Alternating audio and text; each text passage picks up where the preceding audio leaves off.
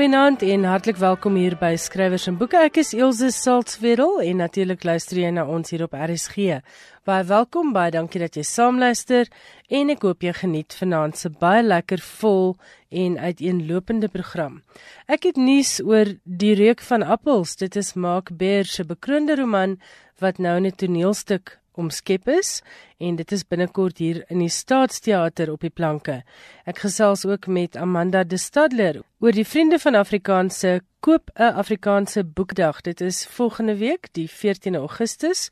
Dit is maandag en bly ingeskakel want ons gaan ook sê waar kan jy lekker groot afslag kry vir die koop 'n Afrikaanse boekdag die 14 Augustus. Dan gesels ek met Mariana Rabbi oor die McGregor gedigte naweek. Johan Meiberg is in die ateljee met sy internasionale letterkunde bydra en ons gesels ook oor 'n boek wat handel oor plaaslike kunstenaars, geskryf deur Matthys Strydom, 'n voormalige kunsgalery eienaar van George. Dit alles in finansies skrywers en boeke, maar ons spring weg met die kortlyste vir vanjaar se kyknet rapportpryse as ook die Jan Rabie rapportprys vir nuwe skryfwerk. Karen Breinhardt en Walda Jansen is beide in twee kategorieë benoem. Op die nuwe fiksielys, Albert Blyk met Broedertwis, Elsabie Brits met Emily Habhaus, geliefde verraaier, Herman Gilomee met sy autobiografie Herman Gilomee, historikus, Leon van der Rop met Daardeur in die fliek en François Verster met Die Groot 3. Op die fiksiekortlys is dit Karen Breinhardt met Tuisland, Ryk Hatting met Huilboek, Walda Jansen met Hy kom met die skoenlappers, John Miles se Op 'n dag 'n hond en Dan Slay met 1795. En dan in die kategorie vir die boek wat hom die beste daartoe leen om 'n film te word, is dit weer Karen Breinhardt met Tuisland, Tom Dreyer met Dorado. Dion Meyer met Koors, Marita van der Vyver met Al weet ek wat, Rudy van Rensburg met Piranha. En op die kortlys vir die Jan Rabie rapportprys vir Afrikaanse debuutromans is dit al drie vroue. Die kortlys is Celeste Fritze met Verlorenkop, Annelie Groenewald met Die Skaalmodel en Walda Jansen se Hy kom met die skoenlappers. Die beoordelaars het ook spesiale melding gemaak van Ilse van Staden se boek Goeie dood wat saggies byt en Hester Kreur se boek Een nag en 'n bietjie. Wenners in sowel die fiksie as nie fiksie kategorie van hierdie pryse ontvang elkeen 200 000 rand en die wenner van die fliekprys ontvang 'n 100 000 rand. Die keerders vir vanjaar se fiksietoekenning was die joernalis en koördineerder van die Stellenbosse Woordfees se boekeprogram Elmarie Rautenbach, die oud uitgewer Frederik de Jager, professor Stuart van Wyk van die Universiteit van Wes-Kaapland en die rolprentvervaardiger Gerrit Skoonhoven. En by nuwe fiksie was dit Dr Irma Du Plessis van die Universiteit van Pretoria. Darryl David van die Universiteit van KwaZulu-Natal, professor Herman Wasserman van die Universiteit van Kaapstad en die rolprentvervaardiger Herman Binge. Hulle het die keuring gedoen by die Nuwe Fiksie Boekprys, die kyknet rapportprys vir Nuwe Fiksie. En die keerders vir die Jan Rabie rapportprys was die digter en skrywer Dani Maree, die boekjoernalis Elna van der Merwe en die oud uitgewer en skrywer Kerneel Spruitenberg. Die wenner van die Jan Rabie rapportprys vir debuutroman skryf R35000 en die wenners van hierdie pryse word op 30 September in Kaapstad aangekondig. Baie voorspoed aan al die finaliste, maar net om jou naam op daardie kortlyste te hê is al klaar 'n groot prestasie. Jy luister na skrywers en boeke, jou belangrikste bron oor Afrikaanse boeke. By my in die ateljee vanaand is Johan van der Merwe en Rudy Sadler van Theater Rocket en ons gesels oor die reuk van appels wat hulle vir die verhoog verwerk het. Dit was vroeër vanjaar by die KAK&K, dit was nou al by die Gramstad se Kunstefees, die enigste Afrikaanse produksie. Ek het julle raak geloop by die Vrystaat se Kunstefees, maar nou wil ek net vir die luisteraars wat dalk nie reuk van appels van Mark Beer ken nie wil ek net so 'n stukkie voorlees uit die programopsomming basies. Dit is die stuk waarmee jy ook dan die toneelstuk adverteer. Die lewe is snaaks, mooi, kosbaar, onverstaanbaar en vreeslik. Dit is die somer van 1973. Apartheid floreer. Eddie Balo se cricketspan is besig om die Engelse op Nieuweland op te dons. Die Amerikaners begin nou strop trek teen die kommuniste in Vietnam en in die Kaap is die 11-jarige Marnus besig om te leer wat menswees en manwees beteken. 'n Skokkende ontdekking breek deur die oppervlak van die alledaagse om alles onherroepelik te verander. Vanaf daardie beslissende oomblik sal die reuk van appels bly kleef van alles wat Marnus raak. Hierdie boek uh, of hierdie toneelstuk is gebaseer op Mark Beer se veelbekroonde roman. Baie welkom by my in die ateljee Johan van der Merwe en Rudy Sadler. Ek wil by julle weet, hoe gebeur dit dat 'n mens 'n toneelstuk maak uit 'n boek soos hierdie? Wat het julle geboei? Ilse, ek het die boek jare terug net na uitgekom het, het ek hom gekoop by die KAK&K. Ek dink dit was die tweede jaar van die KAK&K en ek was dadelik versot op die boek. Ek het toe die boekie eerste keer gelees het omdat ek baie jare al in die toneelwêreld betrokke is en vreeslik baie toneelstukke kyk, toe ek die boek gelees het, het dit my kop afgespeel as 'n een persoon produksie omdat die reek van appels geskryf is uit die oogpunt van 'n 11-jarige kind. Alles wat hy sien word deur sy oë vertel. So selfs die ander karakters in die boek, die ma, die pa en sy sussie, alles word deur sy oë gesien en dis hoekom dit vir my perfek was vir 'n een persoon vertoning. So ek het vandat ek die boek gelees het, dit by my gespook dat niemand dit op die verhoog doen nie. En toe ons um, besluit om selfproduksies te begin vervaardig, ek en Rudy deur Veter Rocket, toe het ek vir hom gesê dit is die eerste iets wat ek wil doen. Dit is 'n lewenslange droom vir my om dit na die verhoog toe te bring en ek het nie gedink dit gaan ooit 'n realiteit kan raak nie en ja, nou het ons al 3 feeste agter die rug en dit is 'n regte droom wat waar geword het. En die akteur wat die rol van Marnus speel, is ook vir sy spel bekroon by die KAK&K, nie waar nie? Ja, ons is baie baie gelukkig om Gideon Lombard as die akteur te hê. Um, hy is een van die beste verhoogakteurs in ons land en hy het dit reg gekry om dit regtig sy eie te maak en hy het die kanna gekry vir beste uh, akteur op die KAK&K hierdie jaar. Rudy, wat het jou geboei? Ek dink die feit dat dit deur 11-jarige uh, kind vertel word, dit is so 'n fantastiese voertuig om goeters te sê wat mense nie anders sou sê nie en wegkom met 'n tipe van 'n uitkyk op die lewe en die skrywer het om so goed geskryf die kind en sy uitkyk op die lewe dat mens heeltemal ingetrek word daardeur en jy jy sien jou jou geskiedenis en jou eie verlede daarin afspeel. Um, ek dink veral mense miskien van 'n sekere tydperk as jy dit lees, jy weet dit is amper asof jy jou kop nik terwyl jy dit lees want jy herken dit en jy mm. sien dit is hoe dit was. En dit trek jou so in en dan op 'n stadium dan het die boek keerpunt. En ehm uh, dit maal in jou kop. Dit, dit uh, jy weet dit laat jou baie dink. Al die luisteraars wat luister ken nie noodwendig die boek nie want die reek van appels het in 1993 uitgekom. So som vir ons 'n bietjie die verhaallyn op Um, ek gaan dit in baie breed trek. Um, ek bedoel dit is Mark Beer se debuutroman wat hy in 1993 het dit gedebuteer. Dit het eers in Engels uitgekom en in dieselfde jaar in Afrikaans ook en dit beskryf die Afrikaner siege in die apartheid Suid-Afrika in die vroeë 70s deur die oë van 'n 11-jarige seun Marnus en hy is die seun van 'n generaal in die weermag. Deel van die boek speel in 'n baie kort tydperk. Ek dink in 'n letterlik in 'n paar dae af. En dan is daar terugflitsse na Marnus waar hy heelwat ouers in sy middel 20s is wat op die grens afspeel.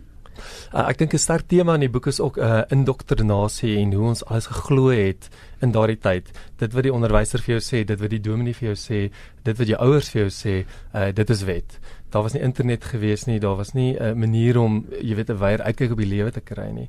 En so is dit ook 'n metafoor hoe 'n uh, hele bevolking die lewe aanskou het sonder om vrae te vra, soos wat Marnus in sy 11-jarige uh, uh, kinderlike onskuld ook alles net aanvaar het. En ek dink die boek vang dit baie goed vas, daai vorm van indoktrinasie. Het julle maak geken en uh hoe autobiografies is hierdie roman? Dis my tweede vraag. Ehm um, weet jy ons het nie vir maak geken nie. Um, ons het nou intussen net ons sy ma en sy suster ontmoet as gevolg van die produksie.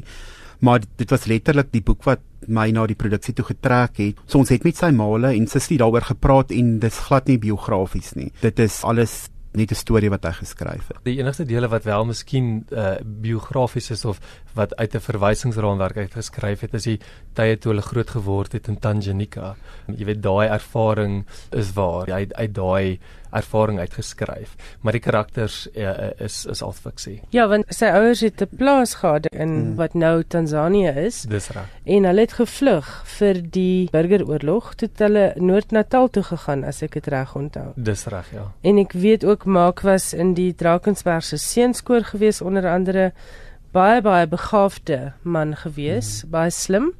Hy is so 18 maande gelede dink ek oorlede aan 'n hartaanval. Ja, wat baie interessant is daaroor is ons het ehm um, toe ons begin aansoek doen vir die regte en ons toe die regte kry die dag wat dit bekend gemaak is um, op die bekendstellings van die KAK&K die program op daardie dag was maak weer presies 'n jaar dood.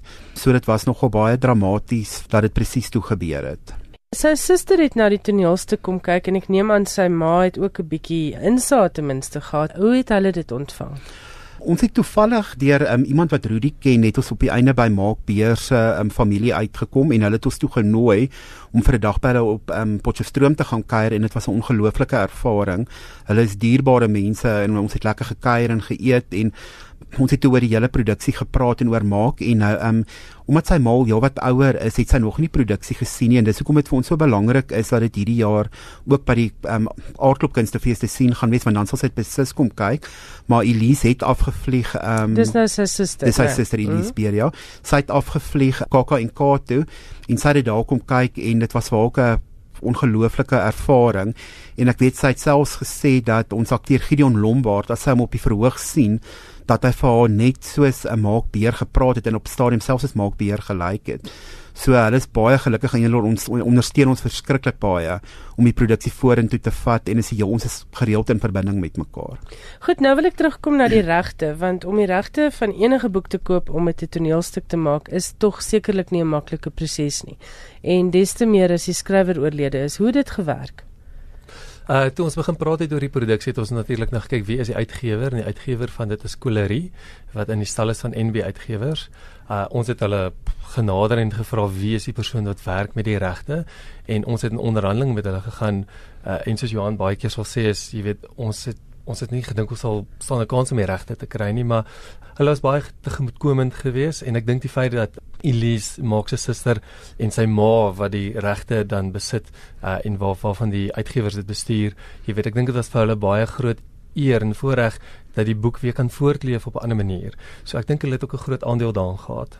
Ja, want die boek was uitdruk uit, maar nou danksy julle toneelstuk is dit weer herdruk. So dis weer beskikbaar. Absoluut. En dit was ons 'n bonus geweest. Ons het dit nie voorsien nie.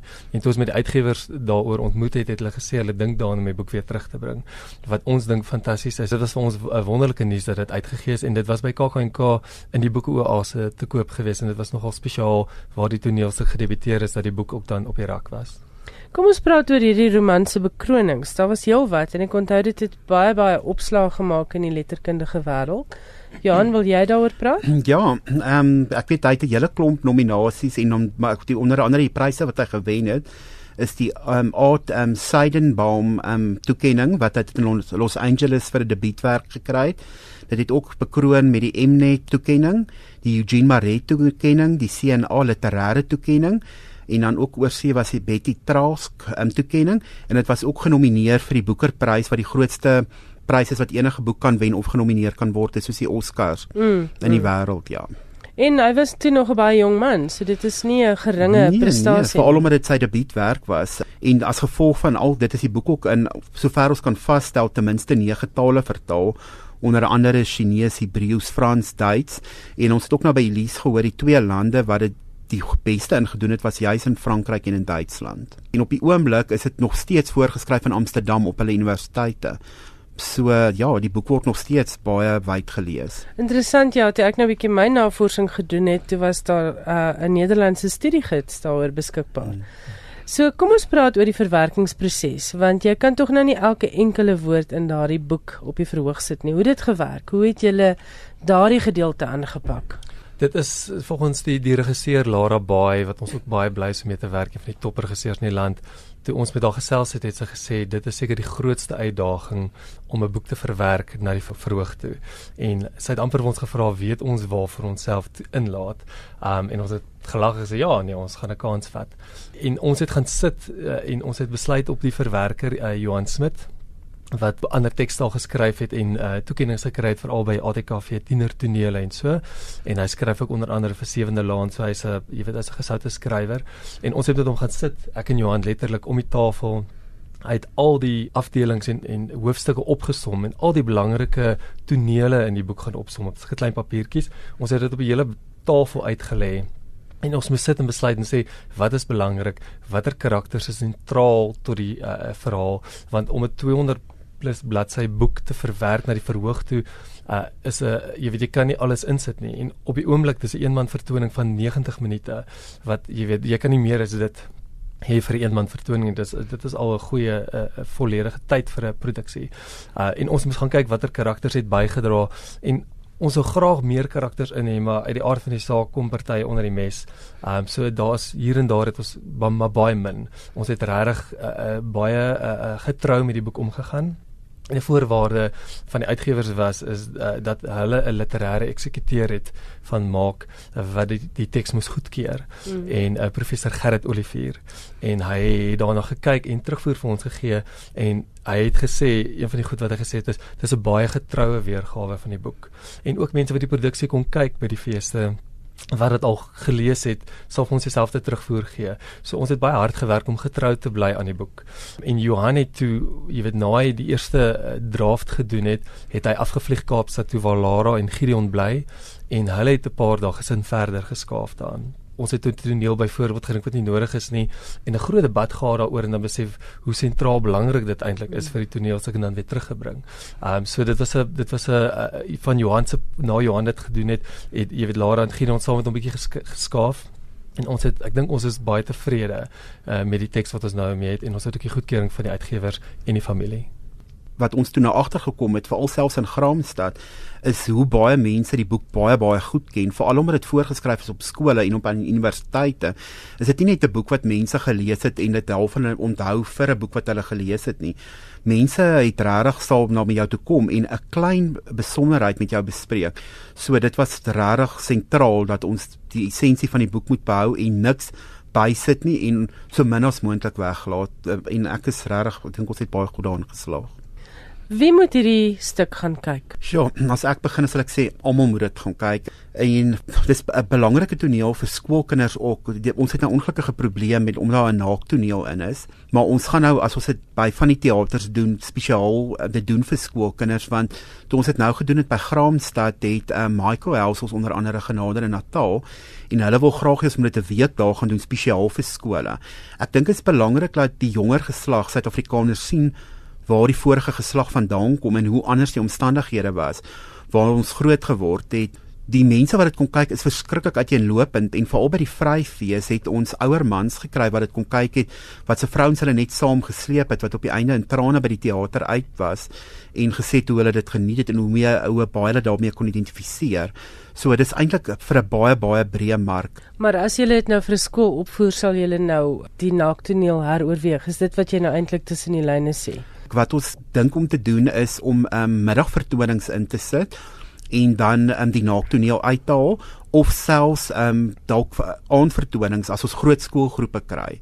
Goed, en julle gaan nou vir 3 weke in Pretoria in die Staatsteater wees. Dis van 1 tot 24 September. En is die kaartjies al te koop? Uh die kaartjies word vandag oop te maak. Daarna is jy by Aardklop by Potchefstroom in die Kunstefees daar. So dit is 3 tot 7 Oktober in Potchefstroom en dan by die Figart Theater in Kaapstad 16 Oktober is die openingsaand tot die 4de November. Dis reg en die kaartjies vir Aardklop en die Figart is reeds oop. By my in die ateljee vanaand was Johan van der Merwe en Rudy Sadler van Theater Rocket Produksies. Hulle is die manne wat vir ons Maakbeer se Die Reuk van Appels op die verhoog gebring het. En een gelukkige luisteraar kan danksy die vrygewigheid van Johan en Rudy vanaand ook 'n eksemplaar wen van Die Reuk van Appels deur Maakbeer. Dit word uitgegee deur Colerie en om te kwalifiseer hiervoor moet jy die volgende vraag beantwoord. Jy moet vir ons sê wie is die akteur wat die rol van Marnus vertolk in die verhoogproduksie van die reuk van appels. Jan en Rudy, dit was lekker om julle hier te hê. Voorspoed met die produksie. Baie dankie, dit was ons 'n groot voorreg. Baie dankie, Hilde. En as jy hierdie eksemplaar van Maak Beer se Die reuk van appels wil wen, SMS jou naam as ook posadres en die naam van die akteur wat die rol van Marnus in hulle verhoogproduksie Die reuk van appels vertolk na 45770. Jou naam, jou afleweringsadres waarheen ons die boek kan koerier, as ook die naam van die akteur wat die rol van Marnus vertolk in die verhoogproduksie van Maak Beer se Die reuk van appels. Skrywers en boeke. Elke Woensdag aand tussen 8 en 9. Ek gesels vanaand met Amanda De Stadler. Sy is die hoof van Vriende van Afrikaans. Kom al 'n lank pad saam met Vriende van Afrikaans. Amanda, baie welkom hier by Skrywers en Boeke. Dankie Ilse. Ek wil nou spesifiek met jou gesels oor volgende Maandag se Koop Afrikaanse Boekdag. Dit is 'n groot dag wat julle by Vriende van Afrikaans bedink het om die Afrikaanse boekbedryf 'n bietjie te help. Vertel vir ons 'n bietjie meer van waar die idee vandaan gekom het en wat mense dan nou kan verwag volgende Maandag die 14de Augustus. Ilse, die Vriende van Afrikaans is sedert 2014 'n uh, divisie van die ATKV met behoud van identiteit en ons projekte. En hierdie projek is die idee van een van ons raadslede, uh, ons stigter het hulle ons spitsraad genoem van meneer Nolte Smit wat op 'n dag besluit het maar dit is dalk 'n goeie idee as mens so 'n dag instel en dit is ek dink in 2004 al. Sedertdien doen ons elke jaar hierdie dag en ons reël dit in Augustus uh, rondom 14 Augustus. Baie boekwinkels doen dit nie net een dag nie, maar dit laat ons aan hulle oor om afslag te gee en dit sien ons as 'n wen-wen dag vir almal want die lesers wen want jy kry afslag op boeke wat jy koop. Uitgewers verkoop meer boeke, die boekwinkels verkoop meer boeke en die skrywers baat ook albei. So dit is nou al voel dit vir my uh half nie meer ons besit nie want die boekwinkels gaan al op hulle eie aan rondom die dag want dit almal baat daarbey. Is julle maar net hierdie die drywers van hierdie hele ja, projek? Ja. Ja, nee, ons maak op geen ander manier as dat ons werk vir Afrikaans en dit sien ons nou as 'n klein bydrae van ons kant af. Ons fokus is mos maar kinders. So as ons mense kan bewus maak van die feit dat ons meer boeke moet koop wat kinders moet sien volwassenes gaan om met boeke. Uh want voorbeeld spreek tog die hardste. Dan is ons bly, dan is dit wat ons daar uitkry. Ja, ek het iewers 'n pragtige aanhaling gesien. Ek kan nie onthou wie dit gesê het nie. Dit was iemand baie bekend wat gesê het kinders leer lees op hulle ouers se skote. En ek dink dit som dit die beste op want daai eerste ja. kontak met 'n boek waar jy vir die babietjie of vir die kleutertjie ja. voorlees terwyl hy op jou skoot ja. sit, bly vir altyd iewers in die geheue. Julle het 'n ja. baie oulike ding wat julle koppel aan hierdie Koop Afrikaanse Boekdag op 14 Augustus. Julle sê as iemand nie iemand spesifiek het om 'n boek voor te koop nie, koop dan asseblief 'n boek vir 'n plaaslike skoolbiblioteek of vir 'n kind wat jy ken. Vertel ons bietjie daarvan. Ons moedig almal aan om 'n boekfluisteraar te word. Die mens by wie ek die idee gesteel het is 'n uh, skrywer Donalyn Miller En sy sê elke kind is 'n leser. Elke kind het 'n ingeboude leeslus in hom. As hulle dit net nie maklik regkry nie, dan los hulle dit. So ons vra vir mense asseblief, as jy self nie meer 'n boeke wil koop nie, kyk in jou omgewing en koop vir 'n kleuterskooltjie een boek 'n jaar of uh vir 'n skool of 'n biblioteek of die bure se kind of iemand wat in jou huis vir jou help se kind. Uh koop 'n boek en word daai kind se boekfluisteraar. Kyk kyk waarvan hou daai kind, wat interesseer hom en sorg dat daar altyd leesstof vir hom is. Dan kan jy dalk van iemand 'n lewenslange leser maak en as 'n mens lewenslank lees, hou jy aan leer. En leer word maklik want lees is tog die basis van alle leer as ons nou mooi daaroor dink. Ja, en uh, dis belangrik dat jy sê kyk waarvan hou die kind want nie alle kinders gaan storieboeke geniet nie. Party is nee, regtig nee. mal oor feite. En daar's ja, fantastiese nie fiksieboeke in Afrikaans beskikbaar. Dit gee soveel vreugde as jy sien wat se pret bring dit in 'n kind se lewe in en daar's so baie kinders wat nie blootgestel word aan boeke nie om verskeie redes. So ek dink daar kan elke een met relatief min moeite en geld 'n groot rol speel om 'n baie groot verskil te maak. Amanda, baie vinnig, uh, som net vir ons op wat het julle tot dusver hierdie jaar gedoen by kleuterskole? Hoeveel boektrommels het julle al versprei? Ek dink ons trek nou baie naby aan 60 en ons het nog 'n lang stuk voor. We, en behalwe dat ons die boektrommels versprei, doen ons 'n um, voorleeswerkswinkel vir kleuterskoolonderwysers en ouers en ons lei ook mense op om met 'n uh, baie oulike program wat baie toeganklik is, leesondersteuning te doen sodat as hulle op 'n kind afkom wat 'n bietjie 'n uh, hupstoetjie nodig het, dan kan hulle dit self doen. En jy kan sommer self 'n besigheidjie by jou huis begin en kinders help wat 'n bietjie hulp nodig het met lees. Die inligting daaroor is dit op julle webwerf beskikbaar. Ja, ja. hulle kan ons ook net skakel. Nou gee vir my jou telefoonnommer. Ons telefoonnommer in Stellenbosch is 021 880 1761. Dit is Amanda de Stadler en hulle kan seker maar met Cheryl Dean van der Merwe ook gesels as jy nie beskikbaar is nie. By dieselfde nommer. Goed, en dit is by Vriende van Afrikaans, die kantoornommer is 021 089171 as jy wil boeke skenk of as jy meer wil uitvind oor hulle leesprogramme en ook oor hoe jy betrokke kan raak. Alternatiefelik gaan loer by die ja. ATKV se webwerf uh, om te kyk wat doen vriende van Afrikaans daar in Stellenbosch alles. Amanda de Stadler, dit was baie lekker om met jou te gesels. Baie dankie. Dankie vir die geleentheid, Ilse. Totsiens. En as jy nou net ingeskakel het en jy wonder waaroor gaan Koop Afrikaanse Boekdag, dit is Maandag die 14 Augustus en dit beteken vir jou as die leser lekker afslag op Afrikaanse boeke. Koomboeke landwyd, lyk dit vir my, bied afslag van 10% op alle Afrikaanse boeke. Gaan maak maar net seker of die tak naby jou ook dieselfde afslag bied by www kombooks.co.za. Van Skyk in Hatfield, Stellenbosch en Potchefstroom, dit is die akademiese boekhandel, bied 10% op Afrikaanse boeke, dit is afslag. Uh PNA lyk dit vir my is net Warmbad se tak, hulle bied 10% afslag, maar gaan vind gerus uit by die plaaslike PNA, dit het dalk intussen verander. Dan is daar by Protea Boekwinkels afslag van 20% by die Hatfield tak in Pretoria 10% by die Stellenbosch tak en 15% by die Potchefstroom tak. Alle exclusive books takke landwyd gaan ook op die 14 Augustus afslag bied op Afrikaanse boeke. Party van hulle gaan dit dalk sommer vir 'n dag of twee langer maak, so gaan maak maar net seker by jou plaaslike exclusive books tak. En dan Woodworth in Stellenbosch bied ook 10%.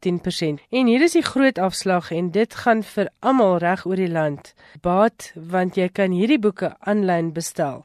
Dit is by Lapa Uitgewers. Jy kan direk op hulle webwerf gaan by www.lapa.co.za en hulle bied 'n eislike 50% afslag van Sondag die 13de Augustus tot Dinsdag die 15de Augustus.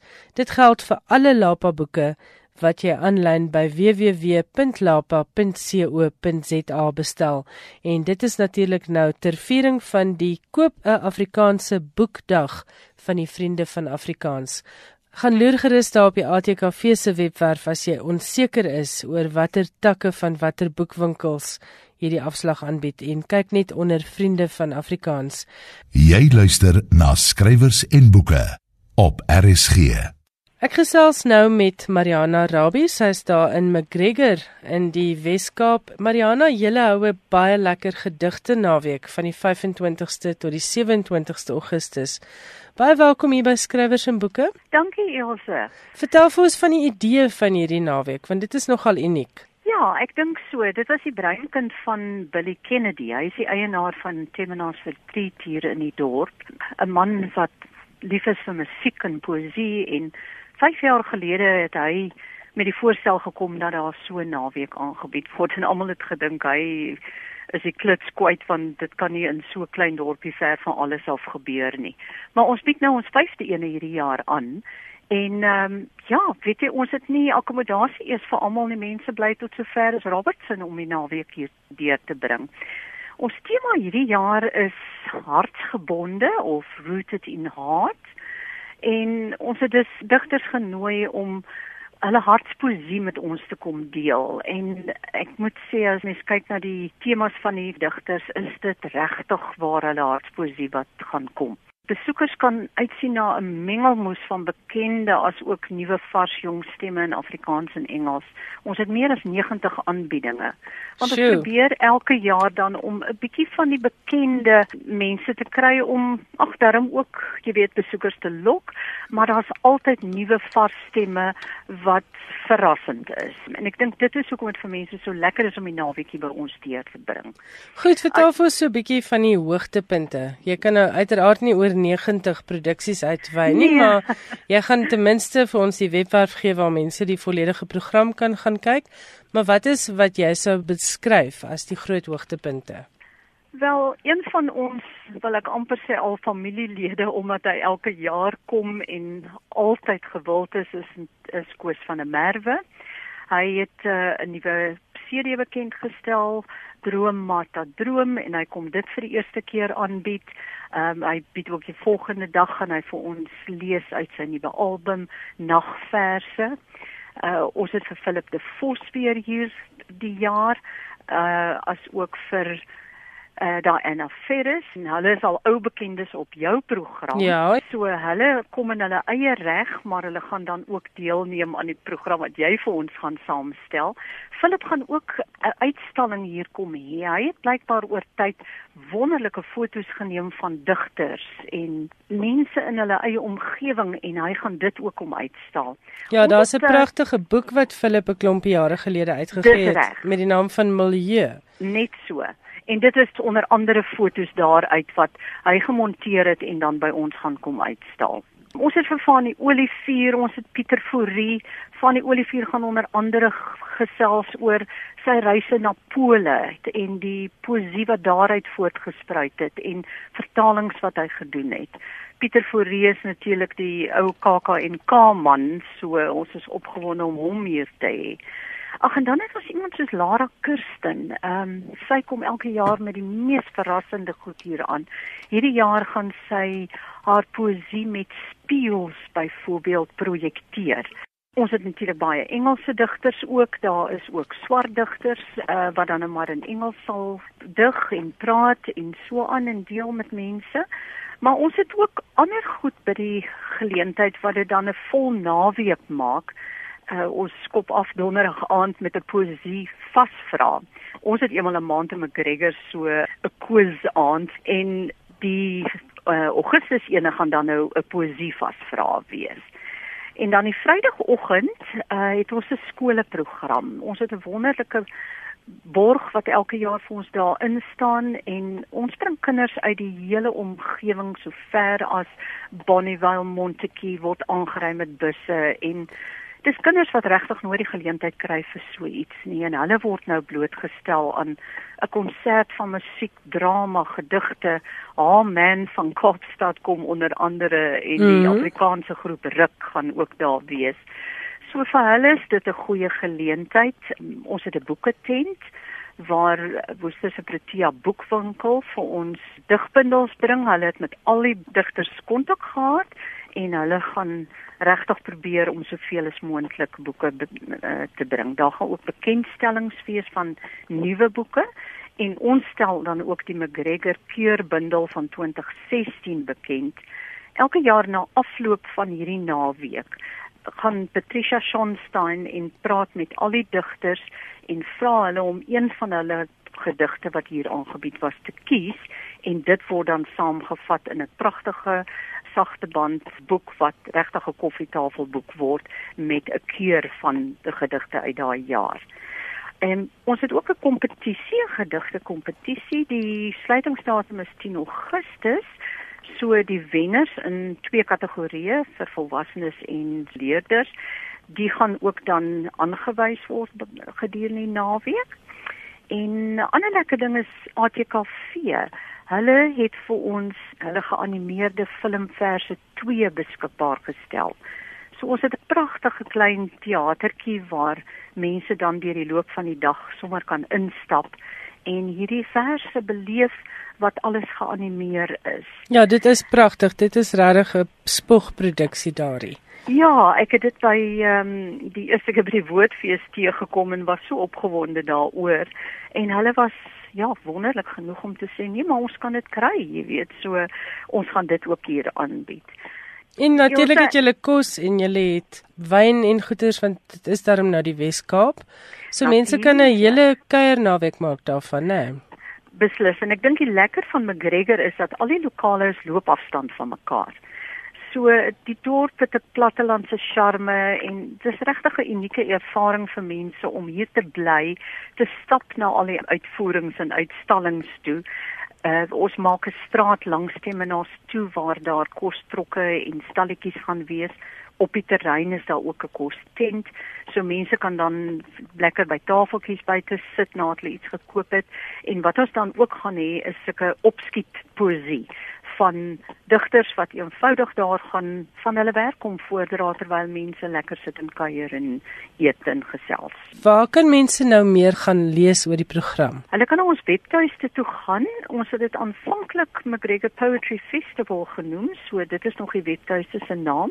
So is www.mcgregorpoetryfestival.co.za en dan kyk hulle net onder 2017 daar's volledige programme en daar is pragtige fotos en beskrywings van al die digters wat hierdie jaar gaan optree.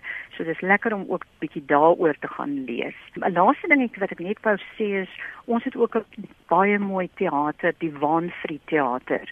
En dit is waar julle ook Saterdag gaan wees en dan uh wys ons twee films, Abraham en Noem my Skolly gaan dan ook oor die naweek vertoon word daar.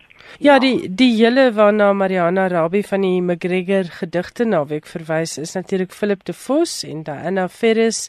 Ek self ons doen die woordketting maar hierdie keer met twee nuwe mense by. Johan Meiburg wat 'n gereelde bydraer hier in my program is en Nick de Jager ook 'n bekende hier by RSG wat vir ons die gedigte gaan voorlees. En dit is maar net spesiale klein woordkettingkie vir die McGregor gedigte naweek. Dis die Saterdag 3 as ek reg onthou, Mariana. Dis reg, ja. Ja, so die mense in die Wes-Kaap wat lus is om te kom gedigte luister en produksies bywoon, onthou tog van hierdie dag. Ek dink McGregor is naby genoeg dat mense vir die dag kan deurry. O, graag. Ehm uh, jy weet ons is maar 12 minute van Robertson af. Ons is op ek op 70 km van Woester, maar dit is 'n lekker oop pad en dit is net bietjie meer as 'n halfuur se ry. Uh ons kry gereeld mense van Montetjie en uh wat sommer net kom om te kom flikkie by ons. So ja, ons is lekker geleë binne 'n radius van 'n klomp dorpe. En van Kaapstad self, dis regtig nou nie. Ja. ja, nee baie beslis.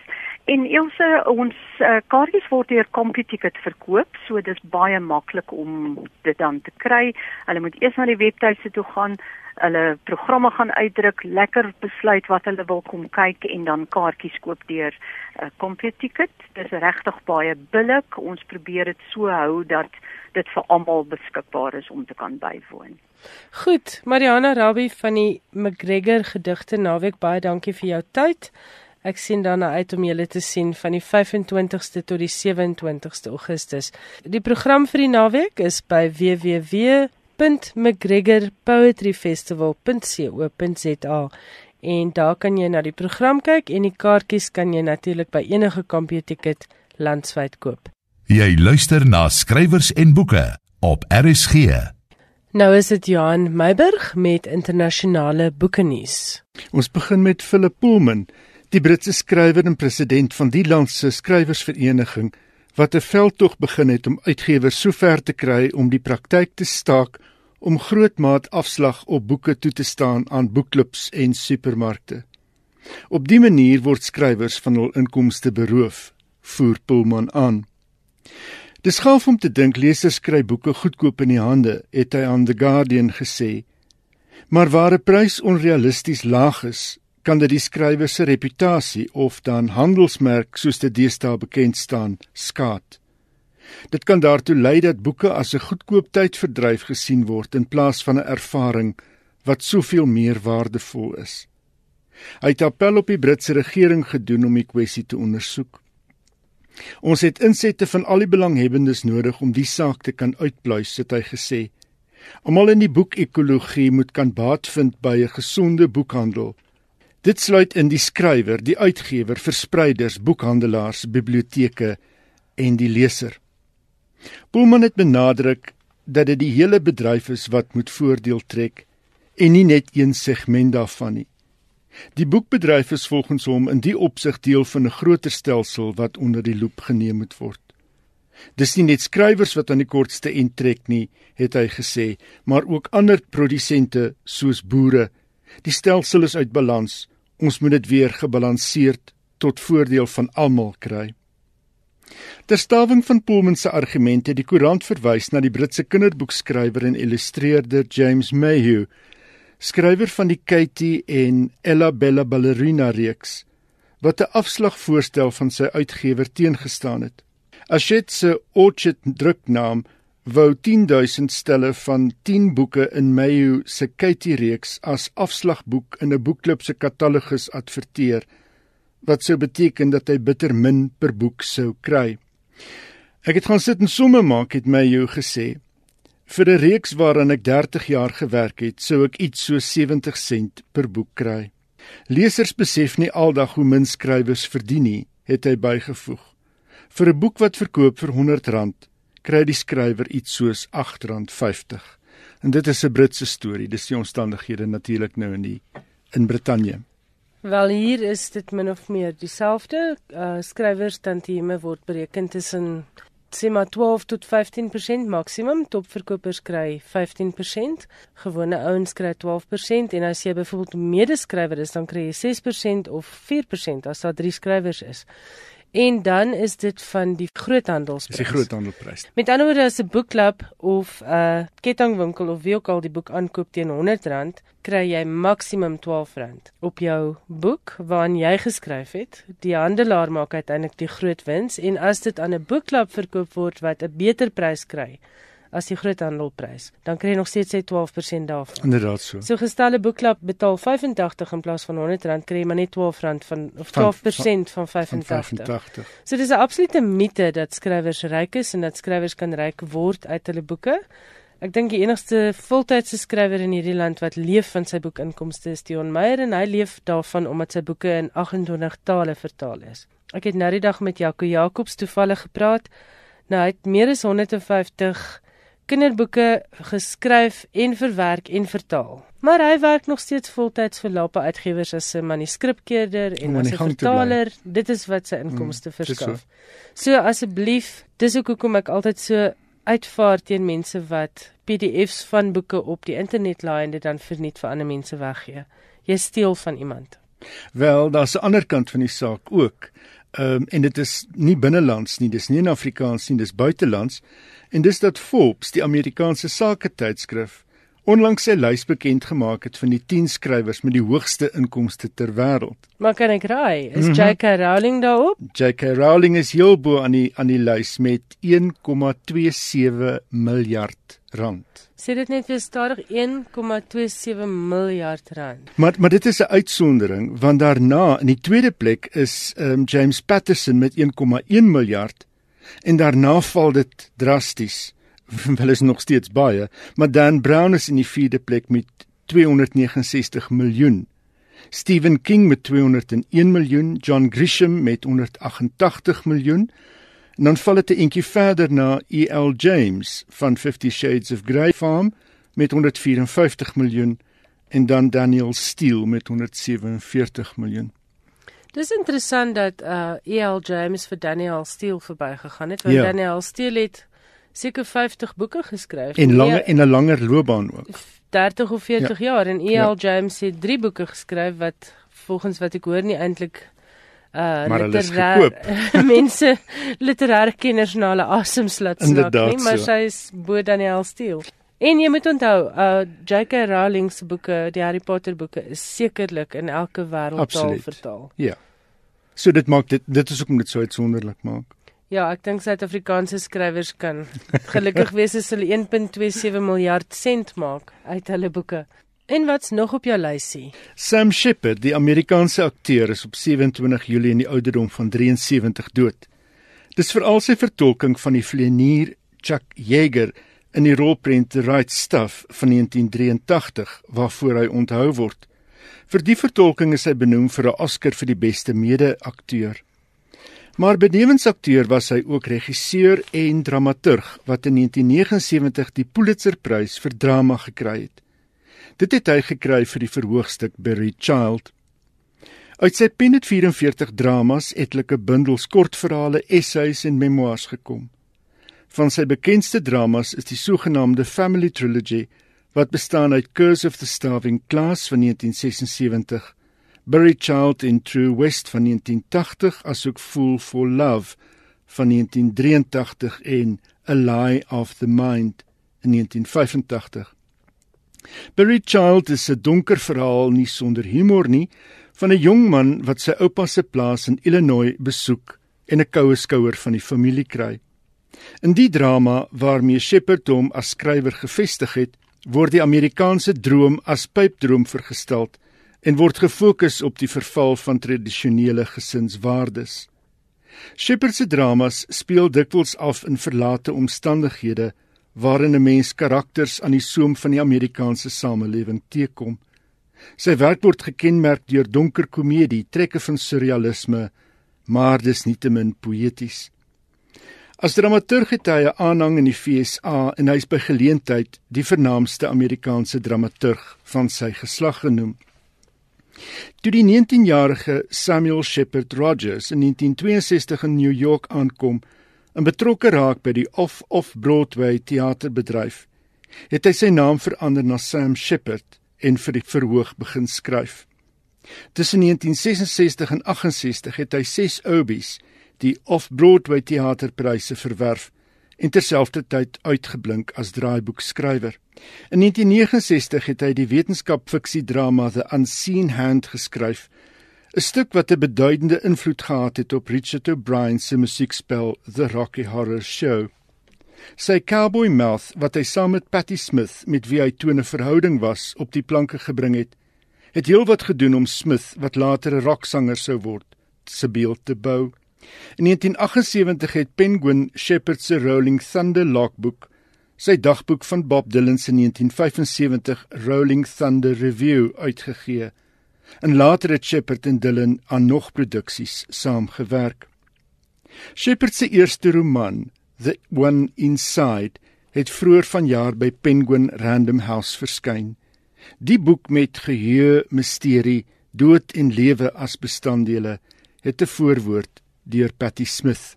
Smith het intussen ook 'n roerende huldeblyk oor Shepard in The New Yorker geskryf.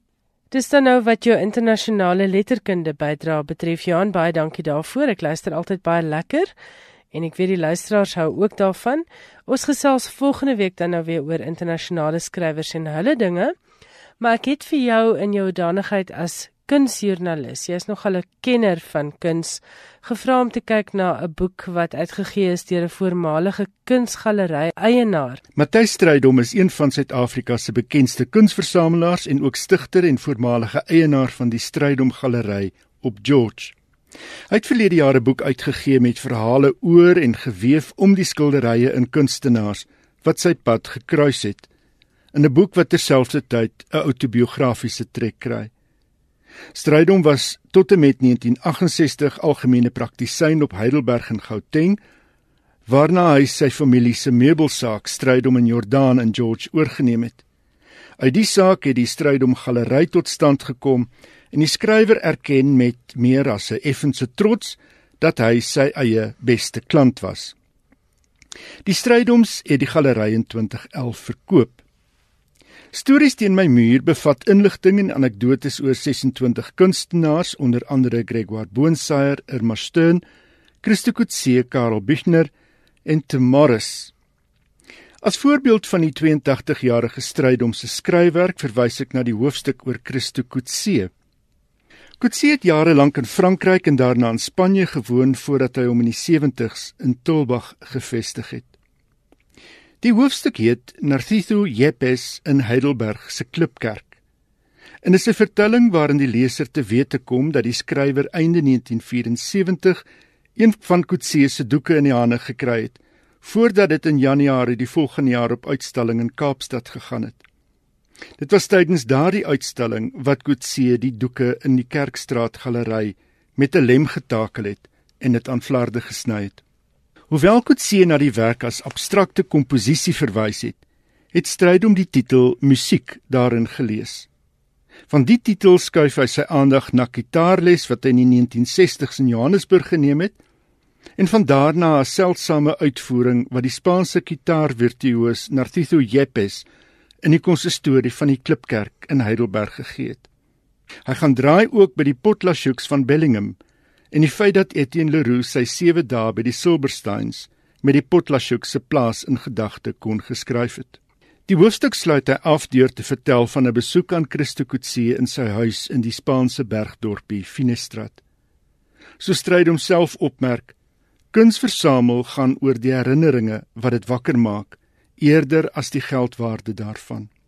Strydom het ook 'n boek oor Gerard de Leeu uitgegee en in 1993 een oor François Kriege. Matthys Strydom se stories teen my muur, uitgegee deur Inset Uitgewers, maak nie net sy herinneringe wakker nie, maar bied die leser deur sy oë ook 'n blik op 'n paar Suid-Afrikaanse kunstenaars. Die boek kos R298 plus R30 posgeld en kan bestel word van Johan Strydom 9 by gmail.com. Jan, baie dankie vir jou moeite met hierdie boek. Ons het dan nou aan die einde gekom van Finanse Skrywers en Boeke. As jy van jou wil laat hoor, die SMS nommer is 45770. Elke SMS kos R1. My e-posadres is skrywersenboeke@rsg.co.za. En jy kan na 'n potgooi van hierdie program luister deur na ons webwerf te gaan by www.rsg.co.za en dan gaan jy eenvoudig in onder potgoeie tik skrywers en boeke as 'n soekwoord in en dan gaan jy 'n lys sien van al die potgoeie van die afgelope paar jaar. Dit is nogal lekker by boekbesprekings en vir gebruik deur boekklubs, so maak gerus gebruik daarvan. Volgende Woensdag gaan ek terug weer 8uur weer hier op RSG. Tot dan, bly ingeskakel op RSG en ek hoop jy het 'n wonderlike wonderlike week wat voorlê. Totsiens.